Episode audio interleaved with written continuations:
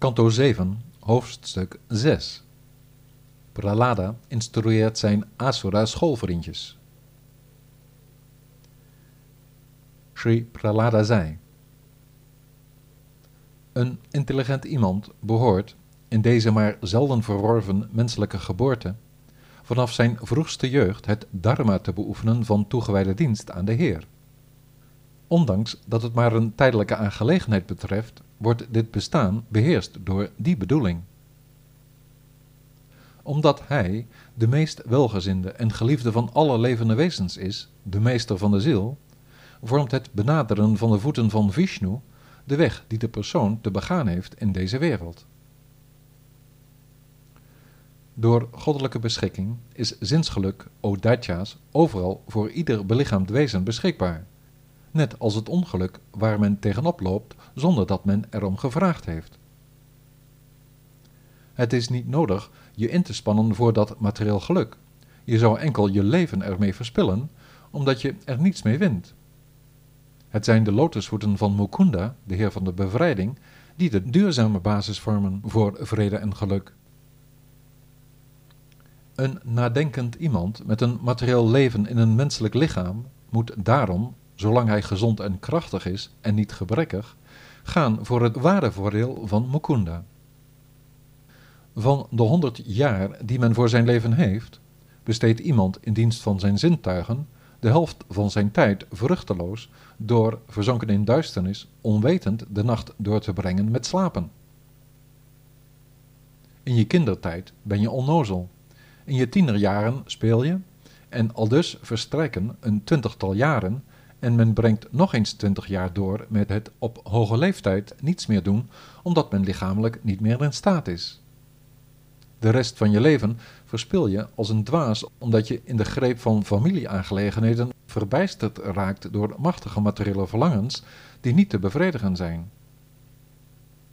Welke persoon kan zichzelf nu bevrijden als hij, gehecht aan huis en haard, gebonden aan de liefde, zijn zinnen niet de basis? Hoe kan iemand die geld verdienen belangrijker vindt dan te leven in toewijding en dankbaarheid, dat vergaren opgeven waarvoor een handelaar, dief en wetsdienaar zijn lieve leven op het spel zet? Hoe kan men ermee ophouden in de huiselijke sfeer omgang te hebben met en de woorden te waarderen van de zo beminde, liefdevolle en aantrekkelijke echtgenoten? Hoe kan men afzien van de liefde voor de schattige preparaat van de kinderen? Te denken aan de zoons en dochters die men in zijn hart gesloten heeft, aan zijn broers, zussen en de zorg voor zijn gebrekkige ouders. Hoe kan men nu afzien van huishoudelijke zaken als mooie meubeltjes, een goed inkomen, huisdieren en reeksen van bedienden en dienstmeisjes? Door met het vooropstellen van het belang van de geslachtsdelen en de tong allerlei verlangens te koesteren die nooit te bevredigen zijn, is men bezig als een zijderups die zich in zijn eigen kokon spint. Hoe kan men nu van zo'n gigantische illusie afzien? Steeds geplaagd door de drie vormen van ellende, heeft hij geen spijt van het plezier dat hij beleeft aan zijn gezinsleden, maar, materieel verdwaasd als hij is, bekort het onderhouden van zijn gezin zijn leven, zonder dat hij ooit doorkrijgt wat het doel van het leven is. Dat doel raakte hij kwijt met een geest die steeds verlangt naar weelde, leerde hij dat het fout is om bedrog te plegen omwille van de centen. Desondanks zit hij, na gestorven te zijn, vast aan deze materiële wereld. Zonder zijn zinnen de baas te zijn, maakt hij zich als kostwinner met zijn niet te bevredigen lusten immers schuldig aan diefstal.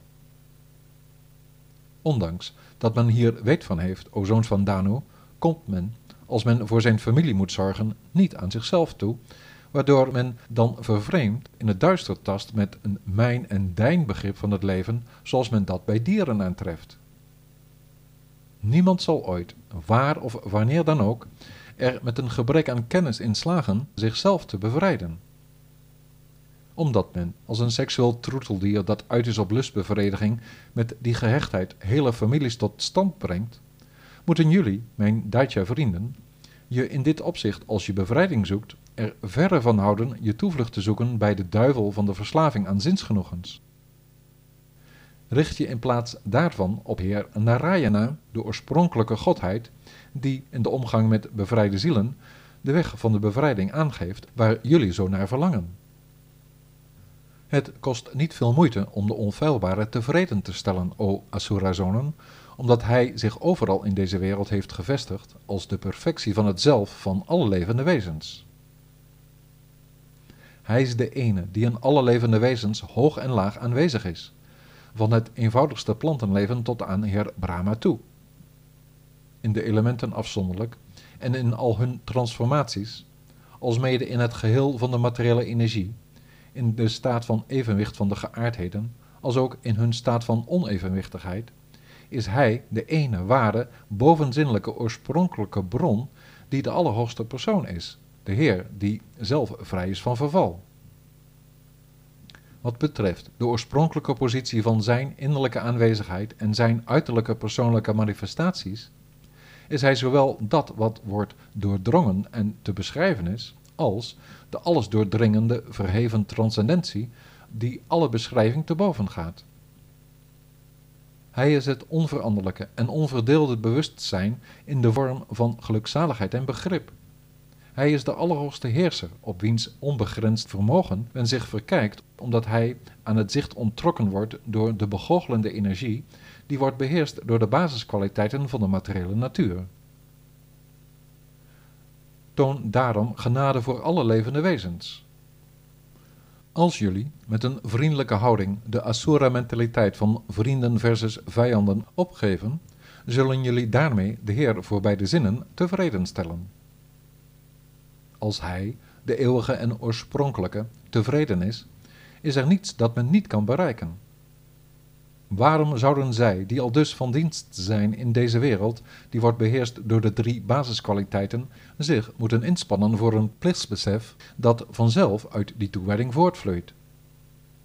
Waarom zouden we, verheven boven de drie geaardheden, verlangens koesteren als we zijn voeten bezingen?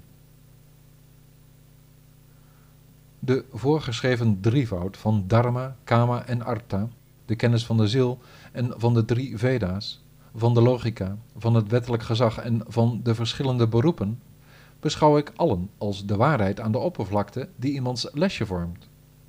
Maar het zich volledig overgeven aan de Allerhoogste Vriend is wat leidt tot de diepere realisatie van de persoonlijke relatie met de bovenzinnelijke persoon, Yuswarupa. Deze kennis, die vrij is van materiële smetten, is moeilijk te bereiken. Ze werd door heer Narayana de vriend van alle mensen, uitgelegd aan Narada, terwille van alle zielen die zich uitsluitend aan hem, de Allerhoogste Heer, overgeven.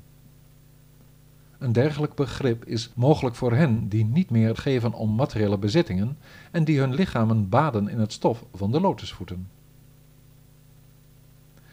Ik ontving deze kennis over het Bhagavata Dharma, de toegewijde dienst aan de Heer, en haar praktische toepassing van Narada, die niets van doen heeft met een materieel leven en steeds de Heer voor ogen heeft. De Daitya-zonen zeiden, Pralada, jij en wij kennen geen andere leraren dan de twee zonen van Shukracharya. Zij zijn de schoolmeesters voor ons kinderen. Maar jij, in het paleis verblijvend, kon zo'n moeilijk te krijgen omgang hebben met een grote ziel als Narada. Kan je onze twijfel hierover wegnemen, o beste vriend, zodat we je kunnen geloven?